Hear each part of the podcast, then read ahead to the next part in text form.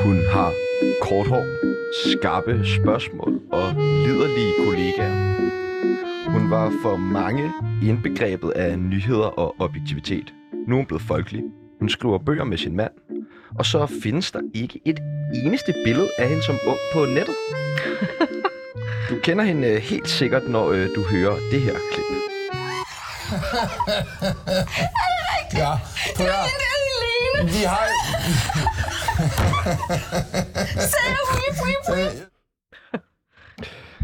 Yes, velkommen til dig, Janne Jo, Pedersen. tak. Whip, whip, whip. Ja, lige præcis. Ja. I dag så skal vi snakke MeToo og forfatterskab. Vi skal finde ud af, hvorfor Google foreslår søgeordet sexlegetøj, når man googler Janne Pedersen. Hvad?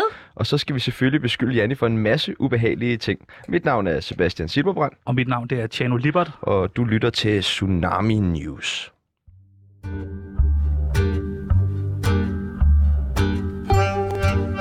Mit navn er Mette Frederiksen, og jeg elsker Tsunami.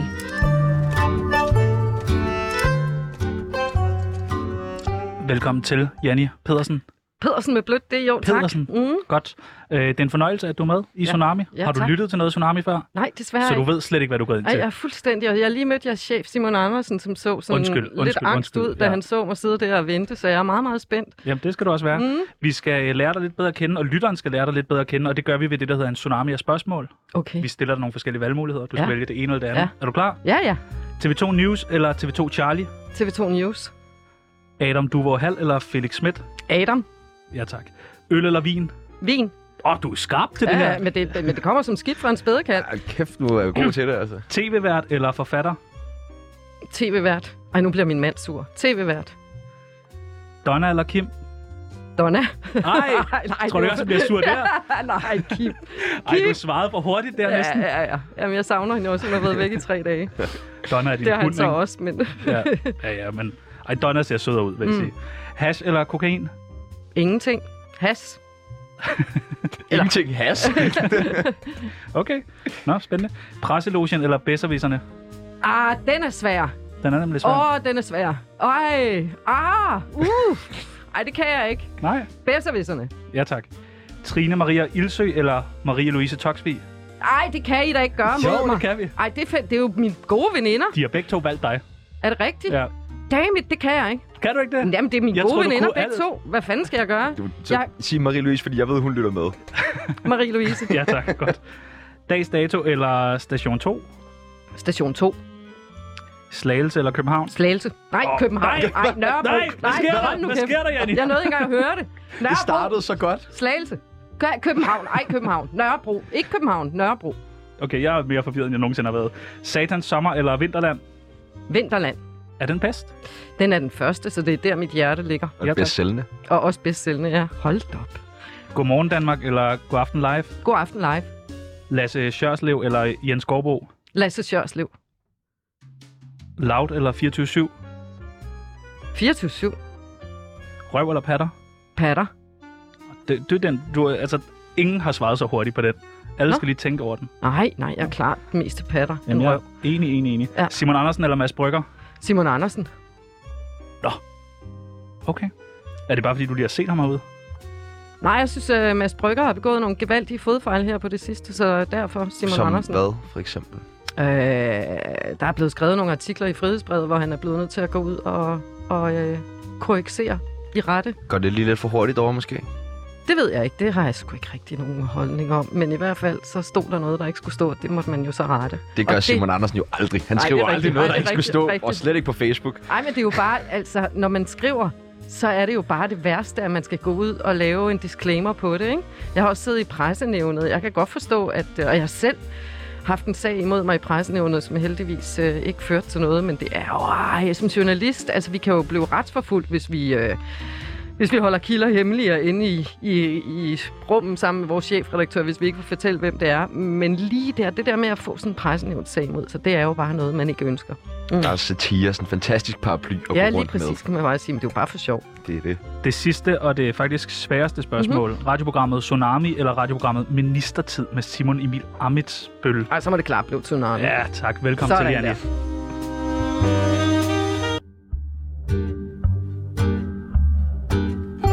Lytter til Tsunami med Sebastian Jørgensen og Chano Peoples. Vi kan vel lige så godt bare starte benhårdt ud.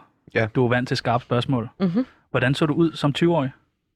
Jeg havde øh, langt hår øhm, Det tror jeg ikke på. med krøller. What?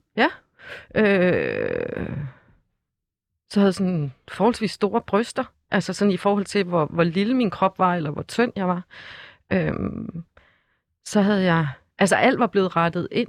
Jeg havde mega stridtænder, da jeg var barn, og fik en af de der øh, jernbaneskinner på, da jeg var en 14, 13, 14 år. Ikke? Øh, jeg har også haft stridtører. Min morfar var meget ked af, at jeg fik lagt dem ind til hovedet, fordi så røg det der Rasmussen-gen, eller det, der sådan kendetegnede familien. Øh, så alt er ligesom blevet syet ind på mig. Du er bare blevet lavet helt om. Du er sådan first mover på plastikkirurgi. Nej, det var ørerne blev sat ind, og så har jeg jo fået bøjle, ligesom alle andre. Men jeg kan huske det der med... Øhm, og så er det sådan for mange kvinder, at deres ene bryster måske er lidt større end det andet. Og jeg kan huske det der med at stå som 14-årig, ikke? inden jeg fik sat ørerne ind, og tænderne strittede. Og så var det ene, det højre bryst, det var bemærkelsesværdigt meget større end det andet. Så kan jeg huske det der, lytterne kan ikke se det. Men jeg gjorde sådan noget med, at jeg løftede, hvad fanden må det være, højre arm, ikke? Sådan, så, så brysterne kom i vatter. Ja, okay, smart. Og så trykkede jeg det ene øre ind, og så lavede jeg sådan en underbid, og så stod jeg og kiggede på mig selv i spejlet og tænkte, ah, det ser sgu meget godt ud. Eller også så gør det ikke. Men øhm, sådan så jeg i hvert fald ud som 12-13-årig. Som 20-årig, langt hår og krøller. Hvorfor findes der ikke nogen billeder af dig fra da du var ung?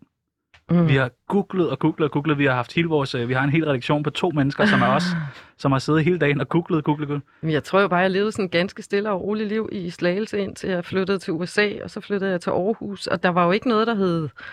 Øhm, altså, jeg var på nettet første gang, da jeg startede på Jeg journalisthøjskolen. tænker bare sådan noget, alt for damerne har tit sådan noget med, ej, vi skal se et billede der fra da du var ung, eller sådan noget. Der er ikke et eneste billede. Jamen, jeg har også, altså, jeg har jo på en eller anden måde levet sådan et forholdsvis stille liv i offentligheden, fordi jeg har jo bare været reporter i mange år. Så blev jeg studievært på sådan en nichekanal, TV2 News, da vi startede i 1. december 2006. Men der har jo ikke sådan været... Altså, jeg har ikke haft lyst til at være med i Damebladet og fortælle om min skrøbelige barndom, eller det at være provinsbo. Med dine skæve bryster i Tsunami.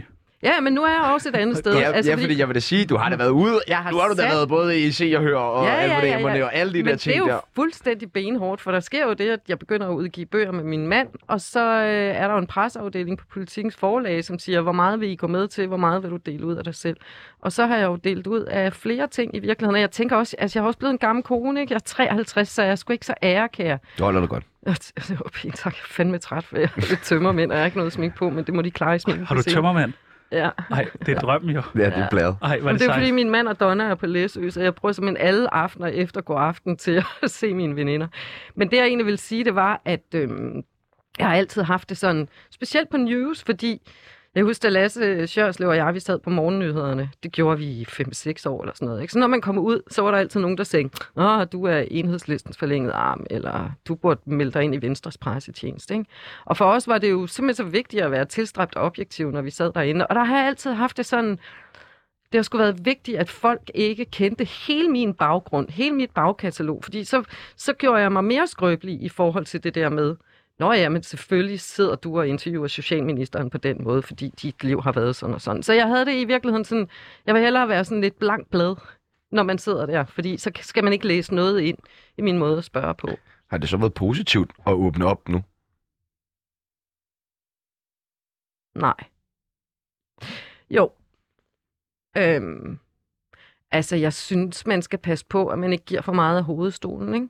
Og altså, for eksempel har jeg to børnebørn, og der er ikke nogen billeder af dem nogen steder. Det vil min... Du er god til det der med at få billeder til ikke at dukke Ja, op nogen steder. Det er mystisk. Ja. Nu sagde du jo selv, at du var ude i går, ikke? Jo, Og vi har jo fundet et billede af dig på Twitter, hvor du sidder sammen med Nasser Carter og Frank Jensen og Peter Aalbæk, Jes Dorf. okay. Hvor sidder lige jeg sige- hen? Er det ikke Jeg dig, der sidder oppe i hjørnet og lytter sidder med. der. Nej, det er det ikke. Er det ikke det? Jeg troede, det var Søren Kaster, men jeg tror, at... Øh, jeg talte lige med Simon Andersen. Jeg tror, at de har fundet ud af, at det er Euromans gamle redaktør. Hvis jeg sidder et sted, så sidder jeg deroppe som sådan en lille flue og lytter med. Hvad, hvad, Bortset fra, at jeg tænker, at jeg godt kunne have skrevet manuskriptet. det er lige samtale. til lytterne, så er der et billede her af Peter Aalbæk, Nasser Carter, Jes Storff og øh, Frank Jensen. Ja. Og tidligere Euroman På salon, på Salon. lige ude at få en Okay. god middag. Hvad, vil, hvad, hvad tænker du om øh, den sammenslutning? Men Jeg tænker da, at de har kunne øh, finde et eller andet fællesskab. Ja, de her mænd. Jeg ved ikke, hvad med Euromans tidligere redaktør? Hvor passer han ind henne? ja, Han- afslører vel lidt sig selv, kan man Ja, sige. det når tænker han jeg sidder også. Der er der på vel den noget der at grave i. Ja, det tænker jeg også. Ja, Øhm, hvad, øh, gad man godt være fluen på væggen? ja det, Det kan jeg love jer for. Men jeg tænker også, at jeg godt vil kunne skrive manuskriptet til den samtale. Ja, og jeg kommer du- ikke til at citere mig selv på nogen måde lige nu. Du vil ikke prøve Nej, at det give det ud? ikke. Der er ikke sådan et guldcitat, hvor du bare ved, den her skal sidde der. Øhm, hvad, ja, hvad, hvad, hvad, hvad ville de have sagt? Har de ikke fået sagt kællinger et par gange? Det ved jeg ikke. Det ved, jo, det går. Nej, det tror jeg ikke. Jeg tror, de vil have talt om uretfærdigheden, og så tror jeg, at øh, jeg er sikker på, at Jes Dorf vil tale meget om advokatundersøgelsen, og det uretfærdige i det. Øh, jeg tror, ja. Ja, men, men, men, men, men Nasser, det er også en, en vild tilføjelse til deres, deres klub. Ja, det er det. Altså, jeg synes, det er et Det vildt vel- billede. Og jeg ja. synes også, det er vildt, at de går ud og Sammen. spiser, fordi Ja. ja. der er jo nogen, der har taget det der billede og tænkt, what the fuck? Altså, jeg synes, det, der er jo også et manifest. Altså, jeg, jeg er ikke særlig meget for at begynde at sidde og, og, og, og, og, gisne om, hvad de har talt om. Altså, jeg vil godt skrive et, et manuskript til mig selv, som jeg så kun selv Men så. nu, ikke? nu loller vi bare lidt. Det, det ved er- jeg godt, men jeg synes, jeg tænker der også, der er et statement for dem, fordi lurer mig, om de ikke godt ved, at der vil være en risiko for, at, øh, at det vil blive set og filmet osv. Tror du, det er overlagt måske? Altså, fordi de, de, de må sgu da vide, der, de har da haft adgang til nok presserådgiver til, at de må vide, at det der, det er... Men hvad laver Euromans nuværende redaktør? Vi ved heller ikke helt, om det er ham, vel? Nej, vi er jeg, ikke helt sikre på, at det er ham. men jeg gik ind i sådan, jeg prøvede at forstørre det op og synes, at det lignede Søren Kaster, og Søren Kaster er jo Jes Dorfs rigtig, rigtig gode gamle ven, og jeg tror også, at Søren har forsøgt at rådgive ham i forbindelse med, med, med MeToo-affæren. Så jeg ved jo ikke, altså det kunne, hvis det var en, en Euroman-type, så kunne det jo godt være, at han simpelthen var i gang med at lave det store portræt af de fire. Åh, oh, de er på forsiden, alle El- fire. Ja. Ja, men det, altså ret beset kunne det Eller jo. Ålen er i gang med at lave en film. Åh oh, ja, Det kunne også tænkes. Ja. jeg gad altså ikke at være Det kunne være den, tjener den, på det den her bord. omvendte TV2-dokumentar produceret af Centropa. Jeg synes, det lyder spændstigt. Det Det kan godt det. mærke, at jeg taler lidt udenom. Ja, Ja, ja, jamen, ja det skal- og der- vi derfor bliver vi i det. Øh, nej, nu når vi også er ved Jes Dorf, altså, er det rigtigt, at du stak Jes Dorf for selv at score øh, jobbet på Godaften Live? Nej. det er da noget af det mest langt ude, jeg nogensinde har hørt. Og jeg, øh, jeg, jeg synes, har- det er meget, jeg synes, det er et meget godt spørgsmål. Men jeg har gået stille og bare øh, øh, et eller andet sted vendet mig til, at det blev sådan en, øh, sådan en saying i journalistkredse, at jeg var journalistisk kapacitet på de oprindelige programmer, at, øh, at jeg skulle være vært på det, og ligesom var sendt ud for at interviewe tidligere kollegaer, som jeg så selv fandt og opsporede, sådan, så de kunne gå til advokatundersøgelsen, være med i dokumentaren, og fortælle om, hvad de havde oplevet, så Jes Dorf kunne blive fyret, så jeg kunne få hans arbejde på. så vil man virkelig gerne have det der god aften Jeg live. elsker, jeg elsker konspirationsteorier. Ja. Ja. Men Altså, jeg jeg er en sokker for det. Jeg tænker simpelthen også, at øh, jeg synes, det er imponerende så meget magt, jeg så har på TV2, Ja, det at jeg synes jeg simpelthen også. kan få en af de mest folkekære studieværter fyret, sådan, så jeg kan få hans plads. Øh, jeg, var, jeg var selvfølgelig tilbage øh, og, og prøve at finde ud af, hvornår talte jeg med God Aften om, at Lasse og jeg skulle på God Aften første gang, og lad mig sige det sådan, det skete lang tid før Sofie Linde nogensinde stillede sig op og sagde, at hun skulle sutte på nogen pik. Så øhm, øh, jeg, synes, jeg, hele den der periode fra de beskyldninger kom, øh, og så i, til jeg gik ud og så gav et interview til journalisten dagen før, at øh, dokumentaren udkom. Og det var selvfølgelig fuldstændig velvalgt, at det lige skete på det tidspunkt. Det kan jeg godt sige til lytterne. Altså, jeg lag, det blev lagt ud på journalisten halv syv søndag aften, og så blev øh, dokumentaren lagt ud næste morgen klokken 7. Og totalt spændende fra min side, fordi så havde jeg lige et interval på 12,5 timer, hvor jeg vidste, at nu kan jeg ligesom sætte mig lidt på historien. Der er en masse journalister, der vil læse det, fordi det er i vores fagblad, og så er der noget andet, der vil tage overskriften. Så der var jeg da totalt taktisk. Øh, men at den historie kan opstå på den måde, og jeg synes, det var skide besværligt, altså i det år, fordi jeg kunne ikke rigtig tage til genmæle. Fordi så kom jeg jo til at afsløre, at jeg var med i dokumentaren, og det havde jeg ikke lyst til. Men ja, jeg var med i dokumentaren, og det var jeg som case, fordi at jeg også har været udsat for sexistisk krænkende behandling. Men du har meget magt på TV2, har du ikke? Nej, gud nej. Åh, kom nu, Jenny. Det har du. Nej, nej. Åh, du har. Cheferne har magt. Jeg har da ikke en skid magt. Jeg Men tror det er også, klart. hvis Janni Pedersen går op på kontoret. Jeg har magt i forhold til øh, et program, jeg selv laver, der hedder Bag forbrydelsen, hvad vi skal lave. Men det er jo ikke en magt, det er jo en... Altså det, hvad, tror folk, at det er sådan noget med, at fordi man er studievært eller er seniorrapporter, så går man ind, og så kommer man med en historie, og så er det den, der kommer i fjernsynet om aftenen. Det er jo en journalistisk proces. Bliver du aldrig træt af nyheder? Jo, jo. Altså, jeg har været på TV2 i 21 år, ikke? og var vel studievært fra 2006, da vi så begyndte, og så indtil jeg lige fik overlov og var på Godmorgen. Og der havde jeg det sådan meget... Altså, jeg havde det virkelig, jeg tænkte, uh, jeg skal til at stå deroppe og lave brioche og pandekager. Altså, det er to uger siden, jeg stod foran Københavns Byret og redegjorde for, for Britta Nielsen-sagen. Der tænkte jeg, kan man det? Øhm, og så kunne jeg bare mærke, det kunne jeg sgu godt. Jeg synes, det var fedt. Jeg, altså, jeg, havde det lidt svært med sådan noget Guinness rekord, hvor mange strømper jeg kunne tage på på. Men så havde det også sådan, jeg kaster mig ud i det. Og øh, dengang, der så jeg news non-stop. Min mand var ved at gå amok, for havde jeg fri, da jeg gjorde rent, så kørte news i baggrund. For man havde da også sådan, jeg blev nødt til at vide, hvad sagde forsvarsministeren i går, og for 14 dage siden, og hvad sagde forsvarschefen, og hvor mange bataljoner rykker vi ud, og alt muligt. Ikke? Fordi på news, der, der er det så meget en journalistisk arbejdsplads, når man sidder derinde, at man bliver simpelthen nødt til at have alle faktaer med. Og det, det, det, så vil jeg bare gerne vide alt om alt, og så var news jo bare et godt sted. Uha. Men øh, det gør jeg ikke mere nu, fordi Men nu, nu havde vi også... fået et normalt Nu havde vi jo Adam, inden for, Adam du var jo inden forleden Nå. også, og, og han, øh, han, der snakkede vi også med om det, at han synes sgu, det var lidt underligt nogle gange at gå til nogle af de der så bløde historier, som der Mm. kan være i Godmorgen Danmark og Godaften Live, øh, hvor man jo også nogle gange har noget seriøst med, men så går direkte over til det meget bløde bagefter og sådan noget. Mm. Hvordan har du bare sådan generelt kunne forene dig med det her så bløde, nu nævner du selv Guinness rekord, hvor mange sokker kan jeg få på, eller øh, være Danmarks mest nuttede hundevalp, eller hvad, hvad der Ej, ellers skal det der være. med hundevalg, det kan jeg love jer for, det kan jeg til hver en okay. tid Lige lave, det. Ja, lave en fix overgang. Men, men, men, men, men hvordan har det været at gå til at skulle lave den form for journalistik?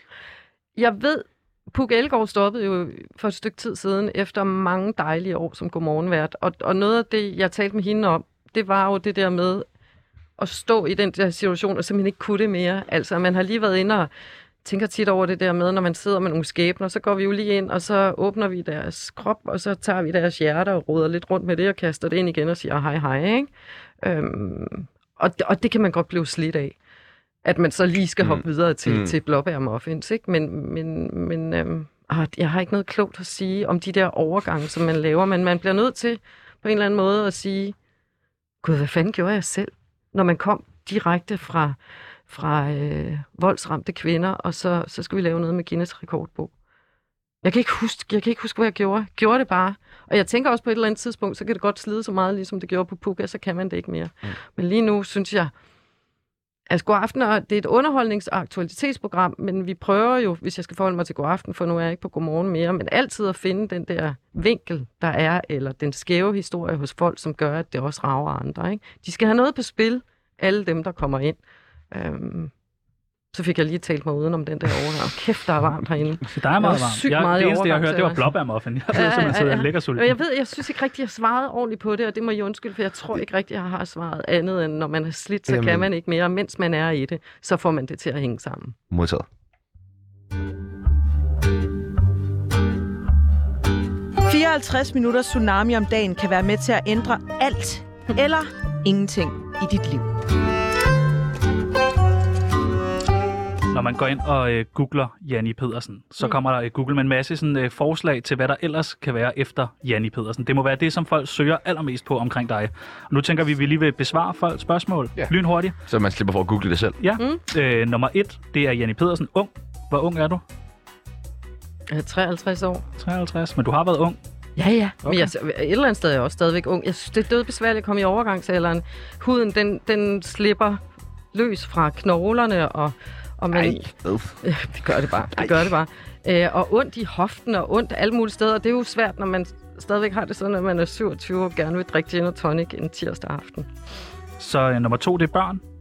Ja, du hvad? nogle børn? Jeg har en datter, der hedder, hedder Nana, og er 24 år, og så har jeg en stor dreng, som er min mands søn, der er 5, 36, og Jon. to børnebørn. Jon, ja. Nummer tre, den blev jeg lidt overrasket over lige til at starte med, men det giver måske mening. Øh, kvæler, Ja, som jo er... vores tredje krimi. Ja, okay. Jeg tænkte lige, Janne Pedersen kvæler. Ja, det er jo et klip, man gad, godt gad Ja. se for, Og, for en byret. Ja. Nej, jeg står! Kvæler er jo sådan fællesbetegnelsen for det at slå ihjel, ikke? Der er kværke, det med hænder, og så kan man strangulere det med, ja, alle mulige bånd og ræb og så videre. Ikke? Så derfor hedder den Kvæler. kvæler, fordi vi simpelthen prøvede at finde ud af... Det, vi, det tager fire og et halvt minut at dræbe et menneske. Ja, det tager lidt tid Så man har fandme god tid til Ja. at fortryde. Ikke? Så hvad er det for en person, som går hen... Hvis nu jeg går hen til dig og tager stramt om din hals, lytterne kan ikke se det, men Nej, jeg nej, laver det en... meget tæt på. nu. Ja, det er meget, meget ja, tæt på. tæt på. Nå, det kunne jamen, være, at du lige skulle lade tempo trække med, Janne Pedersen. Ja. Men hvad, hvad, hvad så? Hvad er man for et menneske, Ja. ja. når du begynder at spræde, og når du er bevidstløs og hænger sådan med hovedet ned? Altså, hvad er man for en type Ja. menneske? Det var det. 4,5 minutter, det er fandme lang tid. Ja, det er simpelthen så lang tid. Og nummer, øh, den, nummer 4 på listen, og det er jo den, vi blev mest overrasket over. Det var- Sexlegetøj? Ja, sexlegetøj. Det forstår jeg simpelthen ikke. Men ved I hvad? Jeg tror... Ej. Altså, jeg kan huske, dengang jeg lærte Kim at kende, det er 26 år siden, så, øh, så sad vi jo og talte om det der med navne, og jeg hedder Janni, og min storesøster hedder Tina, og Pedersen til efternavn, ikke? Spændende Og date. Ja, super, Som man jo super, gør. super. Så siger Kim så til mig, for jeg havde det sådan, jeg synes, at, at Janni var sådan lidt eksotisk navn, det har jeg altid synes. Og så siger Kip så til mig, am sød skat, er du klar over, hvis du tager en tur ned ad Istergade, er du så klar over, hvor mange prostituerede du vil styde ind i, som hedder Janni? Ah, hold nu kæft, sagde jeg så. Ikke noget, al ære, respekt for dem. Så sidder vi og ser Lars Engels dokumentar, som hedder Pigerne i Vesterfængsel, som er en fantastisk dokumentar, eller nogen. Og så da rulleteksterne kører, så står der så tak til Janni 1, Janni 2, Janni 3. Og så nogle måneder efter skulle jeg så lave et indslag til Dags Dato, vores daværende aktualitetsprogram på, på TV2, hvor jeg skulle lave et interview med en frisør, som var tidligere narkoprostitueret. Hvad hed hun? Hun hed Janni Petersen. Ja, Og så var det, at, at på en eller anden måde, okay, men han hvorfor, havde måske ret. Men hvorfor sexlegetøj? Du har ikke anmeldt noget sexlegetøj i... Nej, men kan det være fordi, at, at hvis vi tager udgangspunkt i, at jeg fandt ud af, at der var rigtig mange prostituerede, der hed Jenny Petersen, så kan det jo, det behøver ikke have noget med mig at gøre. Nej, nej, det er rigtigt. Det Nå, tror jeg okay, ikke. så du tænker, det er en anden Janni Pedersen? Ja, det er det, jeg Nå, tænker. okay, smart. Ja, Smart ting. Ja, ja. Øh, nummer 5, det er Jes Dorf. Står der Jenny Petersen og Jes Dorf? Ja. Nå, hvorfor det? Jeg ved det ikke. Det vil folk bare gerne lige vide. Hvad Nå. du har haft med Jes at gøre. Jeg har været kollega med ham i 21 år, og så øh, har jeg været med i en dokumentar om MeToo, hvor der er kvinder, der kommer med nogle beskyldninger mod Jes Dorf. Jeg har aldrig haft noget som helst at udsætte på Jes Dorf i vores relation. Nummer 6, det er alder. Den fik vi fat på. Nummer 7, det er snaver. Snaver. Hvad er det? Altså, du ved, tungekys. Har du snavet nogen i... Øh, Sådan, det kunne være Tessa.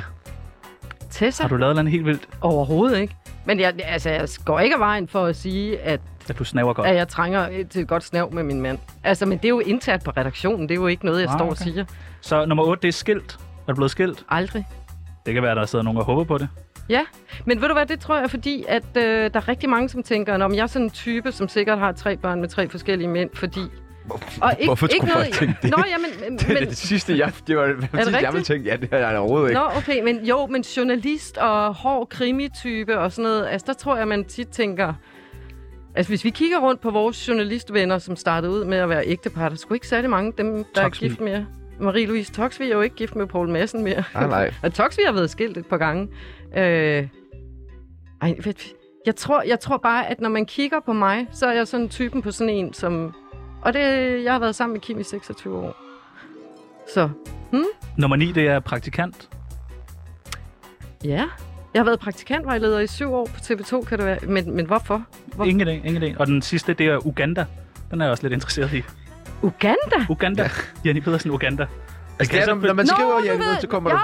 jo, det ved jeg sgu godt, hvorfor. Jeg, min mand har skrevet om en hivramt øh, kvinde i Uganda igennem 15 år. Han var en af de første journalister, der begyndte at lave sådan noget narrative, fortællende journalistik, da han var på politikken.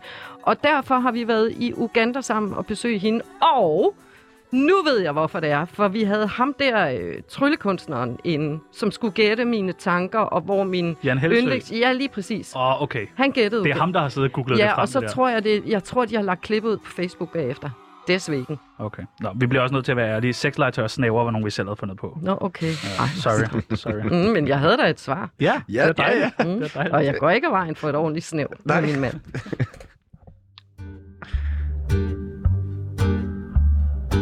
54 minutter tsunami om dagen kan være med til at ændre alt eller ingenting i dit liv. Hvorfor tror du, at der er så mange klamme mænd i den danske mediebranche? Så blev der tavshed. Jeg tror... Jeg tror... det, der er sket på TV2, hvis jeg overhovedet sådan skal tænke eller sætte det sådan lidt i perspektiv, så tror jeg, der er sket det, at da TV2 begyndte, der var man sådan en station af ligesindede, ligeværdige, ild og fantastiske, fantasifulde mennesker, som bare gerne vil have den der station op at stå. Og jeg har altid haft det sådan på station 2, eller, eller på TV2, at vi løfter i flok. Og sådan har jeg det faktisk stadigvæk, også selvom vi har været nogle skrub igennem. Så jeg tror, der er sket det, at mange af dem, som var journalister og blev studieværter, havde måske den der, hmm, vi løfter i flok, og vi fester, og vi griner, og lige pludselig blev de chefer, og så opførte de sig stadigvæk som dengang, de var 26-årige reporter. Og det, det skal man ikke, når man er chef. Så, så ja. Det er en god måde at slutte et svar på. Hmm. ja, det var lidt. ja. Jamen, øh, det, altså, så, så det er fordi, at de aldrig er blevet voksne, eller hvad? Jeg tror bare, de har taget deres ungdomsliv og måden at agere på som journalister på et tidspunkt, hvor det var skideskægt, og man løftede i flok med hen over i det, der så blev ledelse. Men var det også skægt dengang? Jeg var der ikke tilbage i 1988, men jeg startede i januar 2001. Og øh, altså, der er jo en grund til, at jeg stadigvæk er på TV2. Øhm, for der er også rigtig mange, der har spurgt mig i forbindelse med MeToo, øh, eller sexisme bag skærmen. Hvorfor kan du være der, hvis det var så skrækkeligt sted? Men vi jo også, altså det, det var meget en familie, sådan en italiensk familie, med, med en godfather, og, og hvor der blev diskuteret og råbt og skrejet, og, og, og, og nogle gevaldige sjove fester. Altså jeg har simpelthen haft det så sjovt der. Men det er jo ikke alle, der har haft det sjovt. Men er det så en, en pris, man har skulle betale for at kunne have det så sjovt, og have sådan en fri og løs omgang med hinanden, at der så også har været nogen, der bare ikke kan styre det? Det tror jeg, vi ved i dag, at ja, at der har været et festligt øh, arbejdsmiljø og et festligt øh, efterarbejdsmiljø, og det er ikke sjovt for alle. Øhm, og det bliver grænseoverskridende, når en chef bliver for, for beruset. Det ved vi nu. Så, øh, så sådan tror jeg ikke, det kommer til at være i, i fremtiden. Altså, jeg tror, chefer kommer til at gå hjem. Jeg tror ikke, chefer kommer til at hænge ud til sent, fordi åh, der er jo også nogen, som kommer hen og siger, se mig, se mig. Det er da også skide besværligt. Altså, det ved jeg da for nogle af mine chefer. Jeg kan huske en af mine gamle chefer, han, der var en fest, hvor han stillede sig hen ved siden af mig og Anna Gårdslev og bare sådan, åh, oh, her er safe haven, ikke? Fordi hver gang han sådan bevægede sig ud på gangene, så var der en, der var sådan, jeg vil også være udenrigskorrespondent, og kan du ikke se mig som vært, og så videre, og så videre, ikke? Øhm, så jeg tror bare, det er nemmere at chef at gå hjem for, øh, for alle skyld, og så lære også om at feste. Er der nogle klamme kvinder ude på TV2? Nej, Slet ikke. nej. Men ved I hvad, jeg ved heller ikke, øh, altså jeg ved jo ikke, jeg er jo også blevet en gammel kran, så jeg ved jo ikke Ej, rigtigt, du kan jo tale pænt om dig selv. Nå ja, men, men hvis man skal kigge på det sådan... Altså, det er jo klart, man får en position, når man er studievært, og så er jeg plus 50, så jeg tænker også, hvis der kom en ny praktikant, så var jeg måske ikke den første, hun ville gå til. Så er det vel noget, man går til sine veninder med. Og i forbindelse med, med den sag, vi havde for halvandet år siden, hvor, hvor, hvor en af vores øh, mellemledere blev smidt ud, altså der hørte jeg det fra nogle praktikanter, og jeg fik snakket med dem, men, men de havde godt nok gået med det i 3-4 måneder inden, og med det samme, de så godt gik op på chefens kontor, så blev han fyret. Ikke? Så jeg tænker også, at, at jeg, jeg ser det jo ikke, fordi de kommer jo ikke hen til mig mere. Det gjorde de måske for 20 år siden, men det gør de jo ikke. Altså, på den måde, så er man måske i et andet luftlag som studievært og seniorreporter, så man, man, man sidder jo ikke med praktikanterne en fredag aften, hvor de drikker øl og fortæller om, Men kunne du ikke godt det? Kunne Jo, det kunne jeg mere sagtens til gøre. til? Jamen, jeg har også sagt, at folk skal bare komme til mig. Jeg synes jo også et eller andet sted, at, at, at jeg har øh, ved at være med i sexisme bag skærmen, og ved at slå mig selv så meget over, at jeg ikke har været mere til stede over for de kvinder, eller taget fat på dem, når jeg kunne se, at der var nogen, der havde det svært, så synes jeg da også, at jeg har åbnet døren nu til, og jeg kan love jer for, altså hvad jeg ikke har fået af vidnesbyrd fra kvinder, som har skrevet, hvad de har været udsat for. Øhm, så jeg synes, at, at, at bare det ved at være med, så har jeg også givet en invitation. Det var et meget langt svar på et meget, meget kort spørgsmål. Jeg kan godt lide, hvordan du vurderer dine egne svar hele tiden, Mm. om de har været gode nok, eller lange ja, men jeg nok, tænker, eller sådan noget. ja, ja, ja, men det var også, fordi jeg sidder og tænker, okay, nu, nu begynder jeg at blive lidt lang i spyttet. Hvad er der 24 minutter tilbage? Vi skal måske også nå, og deres rundown, den ser sådan og sådan ud. Og nu har jeg talt i to og et halvt minut om det her. Det er måske også fordi... Skal vi smutte? Ja, skal vi bare... Det, det virker til, at du har helt styr på det. Hvad ved du om uh, Cecilia Bæk? Hvad siger du? Hvad ved du om Cecilia Bæk? Øh, hun er min veninde, og jeg har kendt hende siden 1990, og hun er oprindelig fra Djursland og har været studievært i, i mange år på TV2. Vi skal ind med snart. Vi bliver nødt til at kunne drille hende med et eller andet. Ah, hvad skal jeg se?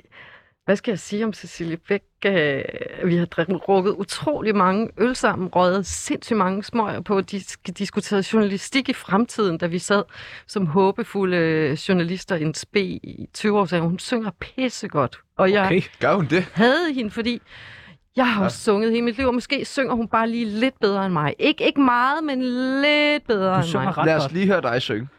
Nej, jeg ved nej. okay, growler du? Prøv at komme og syng for os, Janni. Ej, det skulle da... Hvad fanden? Velkommen. Hvad? Jeg ved Det en dag. Du hopper bare ind, når du kan, ikke? Jeg ved en lærkerede, jeg siger ikke mere, den findes på... Ja, Okay, du Okay, kan du synge. kan synge. Jamen, jeg kan synge rent, men altså, jeg kunne synge det bedre, da er jeg sgu var da 20 år. imponerende, mand. Øh, men Cecilie Bæk synger bare lige lidt bedre end mig. Og så er hun jo... Øh, jeg har lige fået taget nogle billeder øh, til en artikel i et dameblad, som udkommer her. Jeg ved ikke, hvornår det udkommer. Og så står hun bare der, ikke? Og jeg har bare været sådan en... Øh, altså, jeg skulle altid være sådan en kropsstue, der ikke behøver at tænke over vægt eller noget som helst. Men nu er jeg simpelthen kommet i overgangsalderen, så det bu... Altså, der er bare nogle ting, man ikke rigtig kan styre, ikke? Og så tænker jeg, gud, fuck, skal jeg så til at løbe og træne og alt muligt? Fordi det har jeg aldrig skulle gøre. Og så ser man bare Cecilie Bæk, ikke? Fordi vi skulle prøve tøj sammen, og hun står bare så skarpt. Hold kæft, hun er lækker. Har hun skæve bryster? Det vil jeg ikke udtale mig om. Har du stadig det? Ja. Nå, okay.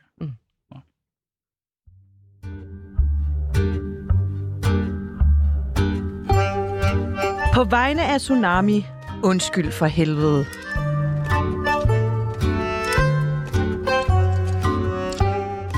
Vi har jo dronning af nyheder i studiet i dag, og vi har taget en øh, masse nyheder med, som vi tænkte, du måske lige kunne rate, når I sidder inde på Go Aften Live, og lige, hvad skal vi have på øh, tapetet i dag? Mm. Så tænkte vi, det var et meget godt bud. Er det ikke Øh, nemmere, hvis jeg gør det sådan på newsmåden? Eller... Jo, på news, Fordi- det er også meget fint.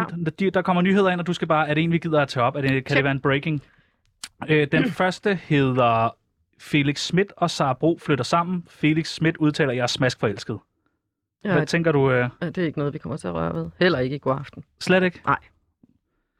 Okay. Øh, Facebook lukker i Europa. Ja, er du sindssyg. Er den spændende? Ja, Zuckerberg han har jo været ude at sige, at øh, hvis vi bliver ved med at presse ham, så er både Instagram og Facebook øh, skal lukkes. Og jeg tænker, okay, det klarer vi nok. Ja, det er breaking news. Hvis han gør det, er du sindssyg. Den tager jeg op. Hvad med 24-7 skifter navn tilbage til Loud? Ej, det, den, den tror jeg, det vil være... øh, Den, det vil, Det, er lidt, det vil, det vil vildt, være en, en sjov til sidst, ikke? Okay. Anders Breinholt bliver fast vært på Go Aften Live. Det har jeg tilbudt ham. Nej, har du det? Ja, vi, skulle lave sådan noget øh, hej hej til ham, hvor nogle af dem, der havde været rigtig meget med i god aften, skulle sige, hey, hvad så med fremtiden, og hvad skal du? Og så havde det sådan, så skat, der er altid plads til dig, hvis du har lyst til god aften. Så det vil jeg, det vil jeg synes var dejligt. Kæmpe terrorangreb på Nørreport. 160 mennesker omkommet. Amen. Er det ikke sådan, at man vil elske? Yes! Nu sker der noget. Øh, altså, da terrorangrebet skete ved Krudtønden og i synagogen, øh, der sad jeg på... Øh, der sad jeg i Brasilien, fordi jeg havde fået en tur som årets medarbejder, hvor jeg så tog på sådan en... Selvfølgelig. Ja, ja. TV2. TV2. Ja. Ja, men, ja, nej, det var faktisk, fordi vi havde fået et legat Nå. øh, fra Berlinske, og de penge blev så brugt til årets medarejder, som kunne tage Så på en Anders. Krab har betalt din Det ferie er til faktisk Brasilien. Anders Krab, der Okay. Yes, yes, yes. Det er mange år siden, kan I, for hvad er det, 15 år siden nu? ikke? Ja, jeg tror gerne, han vil give en tur igen. Uh, man ved det ikke. Og så ringer øh, min daværende chef Mikkel Hertz til mig og siger, Pedersen, jeg sidder på Copacabana, vi, har, vi er ved at pakke sammen, inden vi skal hjem. Siger han, Pedersen, du skal komme i studiet eller ud på gaden endnu, der er sket et terrorangreb. Og så er jeg sådan, chef, du har selv givet mig den her rejse. Hvornår kommer du hjem, siger han så. Så siger jeg, jeg er hjemme i morgen klokken halv syv. Så kommer du ud med det samme. Og det gjorde jeg så. også. så var det måske meget godt, at jeg ikke har været med i opstarten, fordi det var så intensivt et forløb, så jeg var på arbejde non-stop de næste syv dage. Og, men jeg kunne godt mærke den der, nu har jeg dækket alle terrorsager siden terrorparagrafen blev ændret i efter World Trade Center. Og så nu sker der så noget, ikke? Så det var mere den der, ej, jeg kan ikke bruge min ekspertise, og, og det var svært ikke at kunne sidde. Altså, jeg satte mig op på hotellet, og så sad jeg og, og havde kontakten til PET. Det var det, jeg kunne gøre fra Copacabana. Øhm, så for at vende tilbage, det vil selvfølgelig være en stor nyhedshistorie, men det vil jo være skrækkeligt. Det altså, vil være skrækkeligt, men jeg forestiller mig også, at jeg er journalist, er sådan, yes, nu sker der noget. Endelig. Ved du hvad? Dengang, hvor øh, der var fire øh, mænd af anden etnisk herkomst, som kom fra Sverige og tog ind og blev anholdt på Mørkøjvej nummer 69, jeg tror det var den 28. december 2010, der var min mand på arbejde. Og de vil jo ind og sætte strips omkring så mange øh, mennesker, som arbejder i politikens hus, som overhovedet muligt. Og øh, vores datter var med mig på arbejde, fordi han var på arbejde. Og, og, og jeg, er, jeg går fuldstændig i nyhedsmode. For jeg får ligesom den der presmeddelelse, sidder inde i studiet, går jo i gang med en breaking news. Så får jeg så at vide, at du skal tage ud til øh, pressemøde ude i headquarter, hvor Sæbo også skal komme den svenske uden, øh, eller efterretningstjeneste. Nana, vores datter, som vel er, det var i 10, hun er for 97, hun var 13, 12. Hun ryger direkte ind i bilen, og øh, så siger hun, mor, hvad er det for noget? Så giver jeg hende presmeddelelsen. Syg mor, ikke? Så sidder hun og læser højt, så siger hun så, mor, det er jo far, de vil slå ihjel. Og Lotte Thorsen og alle vores venner. Og det er først der, det er sådan i virkeligheden, fordi jeg forholder mig jo til den nyheds... Det professionelle. Ja, og det er først, da min datter siger det, at det er jo fuldstændig rigtigt, skat, men øh, der skete jo heldigvis ikke noget, fordi politiet havde styr på at få fat på dem inden. Det var også et meget, meget langt svar. Men, Men jeg ved det er godt, en god at... nyhed. Øh, I hvert fald, Ej, det er det en vil nyhed. Nej, det- er en, det, I vil tage den op. Det er det. Ja, Jes Dorf vender tilbage til TV2 i en ny, stor datingsatsning. Vil man vente? Måske gå aften live? ja, det tror jeg. Ja, Lige have nogen anden snakke om, hvad, ja, ja det tror jeg. hvad bliver det for et program? Altså, det vil jo så være en svær situation for Go Aften Live, fordi han er tidligere vært der, og fordi at øh, jeg også sidder der som vært og har været en del af de programmer, der har afdækket sexisme på TV2, så den vil være svær. Men, Men det vil vi, være spændende. jeg tror, vi vil, øh, den vil vi tage et take på. Den sidste, øh, Anders Birkov kender, vi har altid ravet på damerne ude i kulissen. Vil det være en nyhed? Nej, ikke, ikke for news eller God Aften. Nej. Øh. Nej. Okay. Men det kunne godt være, hvis man så skulle lave noget om sexisme på arbejdspladsen, at hvis nu han kom med en eller anden erkendelse, eller havde lært noget, at man så kunne tage ham ind som case. Det har han ikke. Det har han Det har han ikke. Det Vi har havde han ham ikke. inden. Han Okay, ikke super, noget. super, Nå, men det var godt super. lige at finde ud af, Men hvad har er I, har, han, har I spurgt ham efter programmerne? Altså havde han set programmerne, og så synes han bare stadigvæk, at det var super fedt, hvad han Ja, havde han har ikke, altså han har været inde i, han har været inde i vores program, hvor han bare, det første han sagde, det var bare, du ved, jeg vi ravede vildt meget på damerne. Vi var helt chokeret. Okay, super. Ja, Ja, ja. Frisk fyr, frisk fyr. Men så skal jeg også lige lave den disclaimer, at jeg har det jo også sådan, at hvis vi laver noget om sexisme på arbejdspladser, så er det ikke mig, der laver interviewene. Så sådan er det.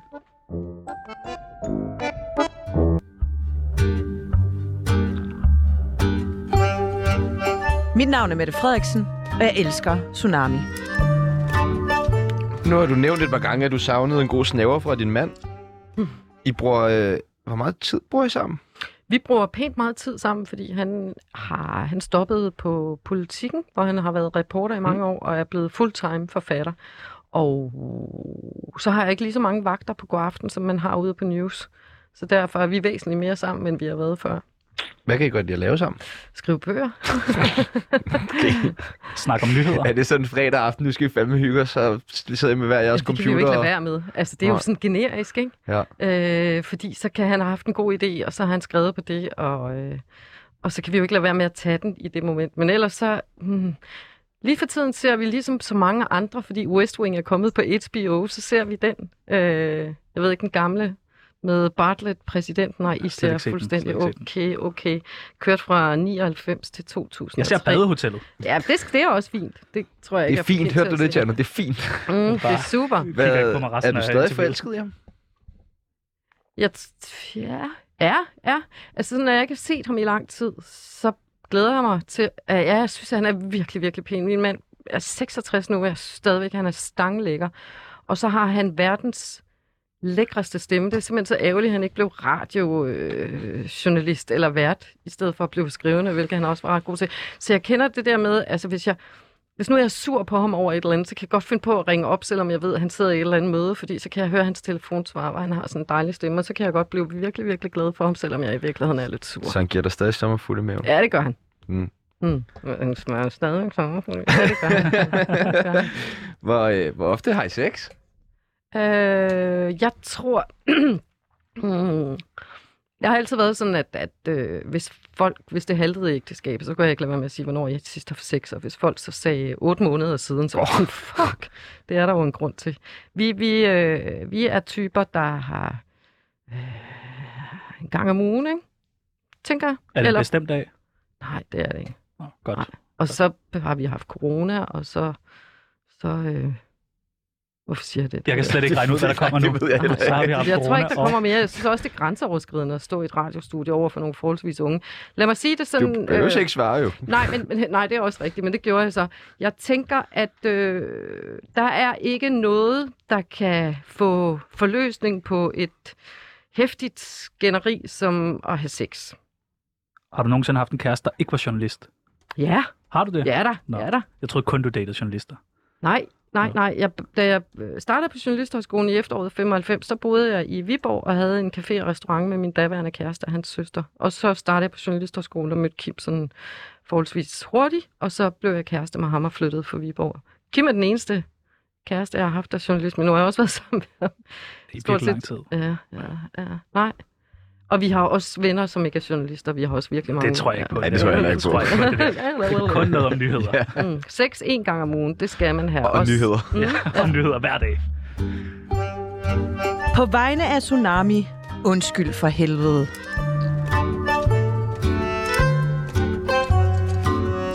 Der bliver varmere og Der varmere. bliver varmere og varmere. Er det efter sexsnakken, eller synes du bare, det er... Ja, generelt varm. Ja, det er også varmt herinde. Ja. Det vil jeg give dig ret i. Og vi får dem til at skrue op for varmen. Lige, lige Ja, før? Ja, lige- okay. Øh, er du blevet beskyldt for meget?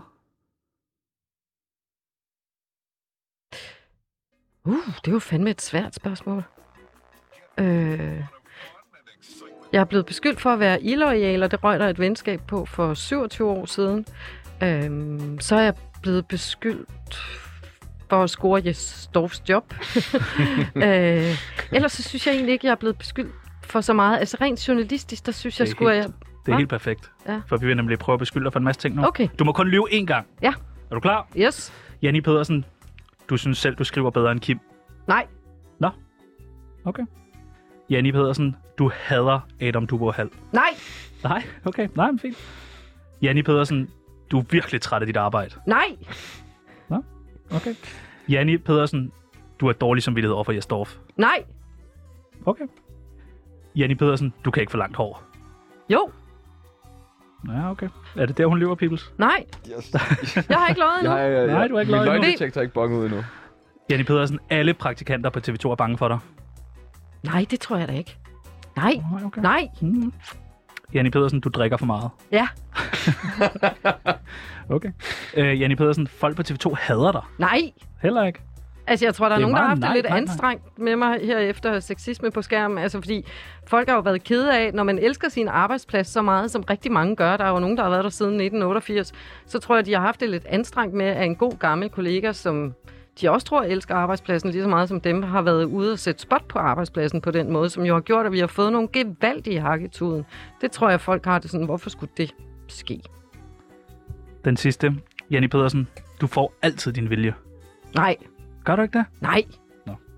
Ikke over Det gør du så her. Nej.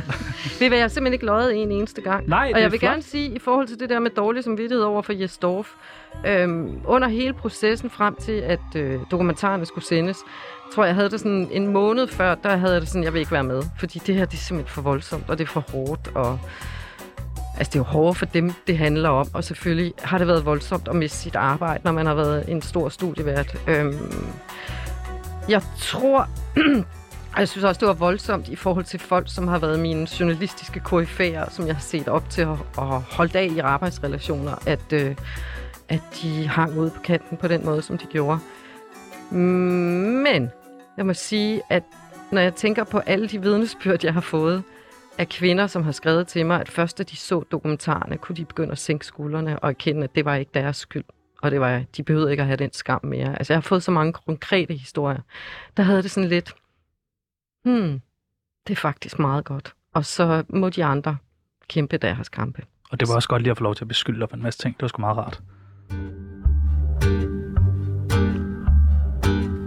Du lytter til Tsunami med Sebastian Jørgensen og Chano Peoples.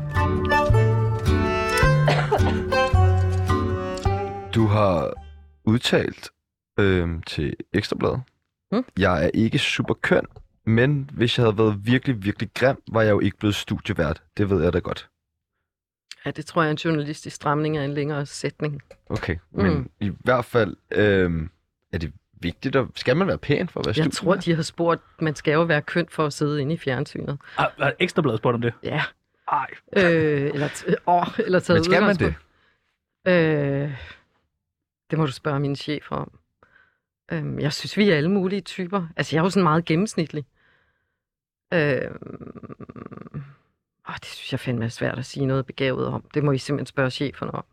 Men jeg er jo ikke sådan en...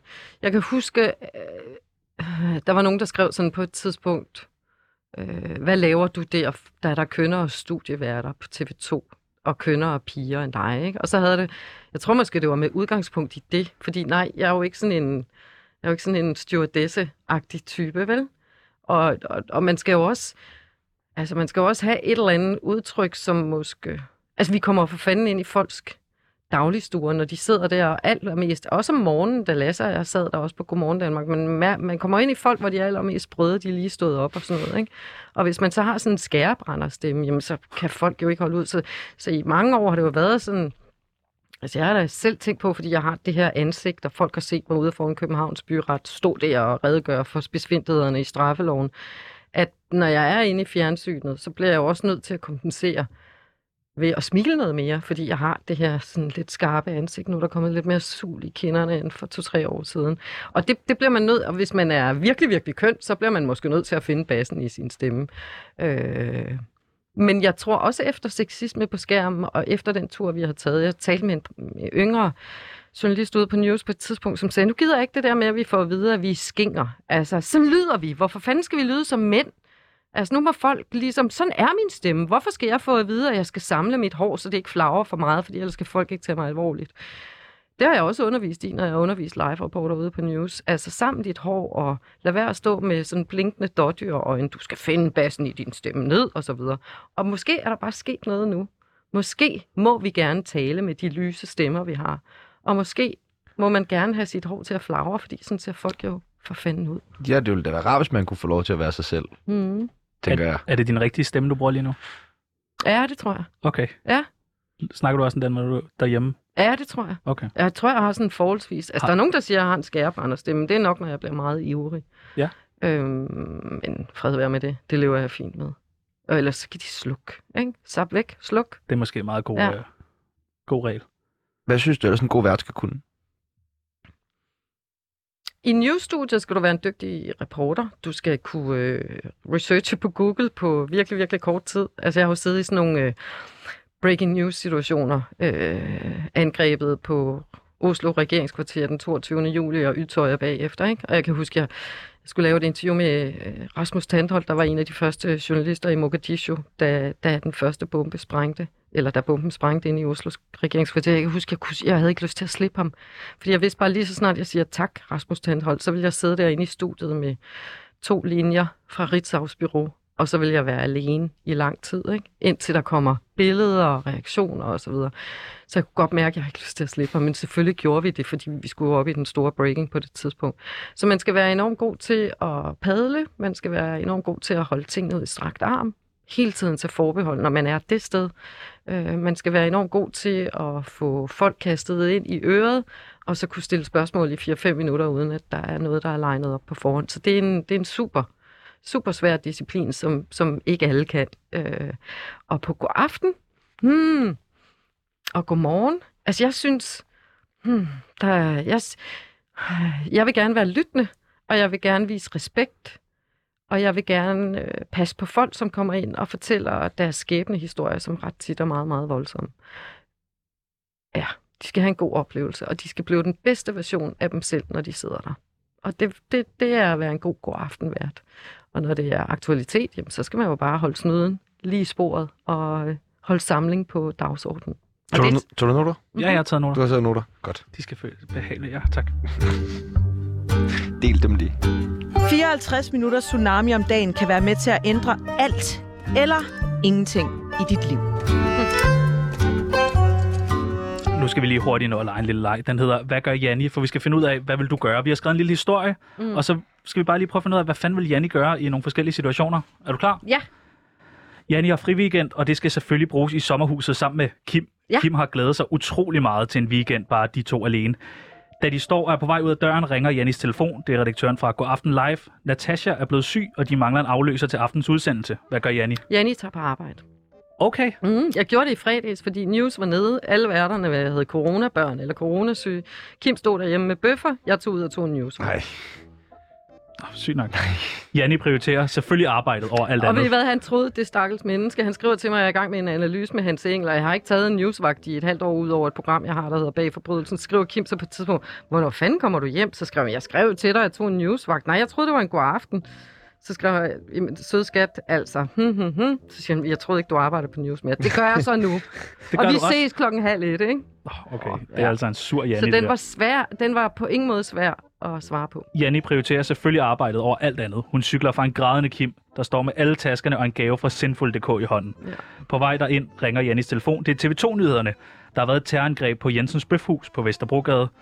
De vil have Janni til at dække det. Hvad gør Janni? Jamen, jeg tager på arbejde. Arbejde, arbejde, Ved. I hvad, en gang der ringede min datter til mig, hvor jeg skulle ind i studiet, og øh, hun, hun var, t- jeg var træt af hende, fordi hun var blevet ved med at ringe og ringe og ringe, ringe. Og jeg havde, tror, jeg havde været sammen med hende tre dage i træk eller sådan noget, men derfor var hun også sådan lidt, mor, jeg savner dig og sådan noget. Så på et tidspunkt, da jeg havde siddet med hende, og der var et minut til, at jeg skulle sidde i studiet, så siger jeg til mig, Nana, jeg kommer ikke hjem før om 6 timer. Hvis du savner mig, må du tænde for fjernsynet. Og en af mine kollegaer, Lisbeth Davidsen, hun sad overfor, og så hun sådan, det sagde du ikke til hende. Og det gjorde jeg. Men øh, Okay. alt er godt. På vej over til Jensens Bøfhus ringer Kim. Han er rasende. Han er så træt af, at han aldrig ser Janni. Han siger, at hun skal komme hjem med det samme. Han har brug for hende. Øh, hvis ikke, så vil han skilles.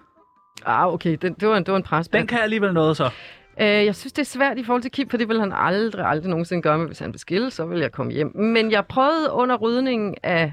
Hør, Ja. med, hør med, Kim. Det er bare den, han skal bruge. Ja, ja, Jagtvej 69. Lars Sjørslev og jeg havde stået ude ved Nørrebros runddel nede ved huset. Det var den 1. marts 2007.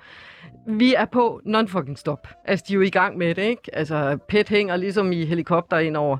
På et tidspunkt, jeg er på, jeg er på, jeg er på. Jeg kan bare se, at telefonen bliver ved med at ringe, så kan jeg se, det er min datters øh, lærer. Og så ender jeg med at sige, nu bliver jeg nødt til at slippe mig, for min datters lærer lige ringet, og jeg bliver nødt til at tage telefonen, for hun er på en skole 200 meter herfra. Mm, og der gik jeg faktisk over til hende, fordi det var jamen, godt. der var øh, anholdelser nede i går, og folk fik knibler og alt muligt, og hun havde fået at vide, at mor står lige i det inferno, og vi er bange for, at mor også bliver slået. Det var der nogen, der havde sagt, fordi de havde set mig på vej til skole. Der tog jeg altså hen til min datter. Jeg fik hende godt nok lige øh, stabiliseret, og så tog hun hjem med en veninde og blev passet, og så tog jeg tilbage på gaden. Men Det er smukt. Det synes jeg faktisk er meget smukt lige at slutte på. Altså, du er menneskelig jo. Du er, det er ikke kun arbejde og nyheder. nej, Det og nu synes er jeg jeg jo også blevet bedstemor, og det... Øh, Bedstemor. Ja, jeg har to børnebørn. Jon har øh, sammen med Laura, hans kone, to børnebørn, og dem prioriterer jeg altså ret højt. Så jeg er blevet mildere og blødere med alderen, både fysisk, men også psykisk. I morgen, der skal vi have øh, skuespiller Andreas Jessen med. Ja, nej. Slet ikke. Ham ved du godt, hvem er. Ja, det ja, du, ja. Og Han har en bror, der har- Sebastian Jessen. I har altid sådan et øh, Ah. klassisk øh, spørgsmål, I altid kan starte med, hvis I ikke ved, øh, hvem folk er. Hvis det øresneglen lige ikke virker og sådan noget. Hvad, hvad, hvad kan du være spørge ham om? løft, det løftede Adam i hvert fald slået for forleden dag. Fortæl, fortæl. det kan man altid bruge som vært, hvis man Hvad? er lidt i tvivl om, hvem gæsterne er. Øh, øh, jamen, men, så, når man jo, så når man jo meget, meget hurtigt og trykke sig ud, og så, gud, han er så smuk. Ja, han Ja, er det er virkelig ham. smuk, er han ikke? Jo, men han ligner, han ligner sådan en... Øh, han ligner sådan en god dreng. Sådan en, som jeg gerne vil have, at min datter skulle være kæreste med. Altså sådan en fodbolddreng, der spiller guitar med nogle sunde interesser. Nu kom- får jeg ham til at lyde virkelig, virkelig ked af. Han kedelig. er meget flot. Men han er, han er bare sådan lækker, sund at Ja. se på, ikke? Jo. Ej, lyder det ikke virkelig, virkelig kedeligt? Det er, faktisk meget sjovt, for vi diskuterede, hvem er, hvem er smukkest. Er det Andreas Jessen, eller er det Sebastian Peebles? Det er Andreas Jessen. Men du er, du er mere en gavtyv. Du er Ej, mere jeg er en- jo- en fuckboy. En fuckboy, Jenny. Nej, men du er sådan en, som min... Altså, jeg tænker, du er sådan en, som min datter vil blive forelsket i, men jeg vil måske hellere have, hun blev forelsket i Andreas. Nå, okay. Er det skide strengt Nej, det er så fair. Det tror jeg. Du ligner nogen, Der hun har været kærester med, som ikke, hvor det ikke gik så godt. Nå, okay. Men det er, sådan, det er sådan, alle har det med dig. ja. Du ligner Ej, jeg håber, at er virkelig- med. min egen kæreste har det sådan med mig. Ah, vent nu at se, Sebastian. Ja, men ved I hvad, Andreas, nu. øh, det tror jeg bliver rigtig, rigtig, rigtig hyggeligt. Det tænker vi også. Og det var hyggeligt i dag, var, det var en fornøjelse at besøge dig. Jeg- Vi har ikke skræmt dig fuldstændig væk, Nej, vel? nej, men jeg talte i virkelig lange sætninger. Ja, det gjorde må du. I fandme undskylde. Nej, det gør håber jeg, at det, sætningerne bliver lidt kortere i god aften. Ja, jeg klipper lidt i det. Det er godt. hej, hej. Det var det. Alt for noget i dag. Nu er det tid til nyheder. Og i morgen så er vi som sagt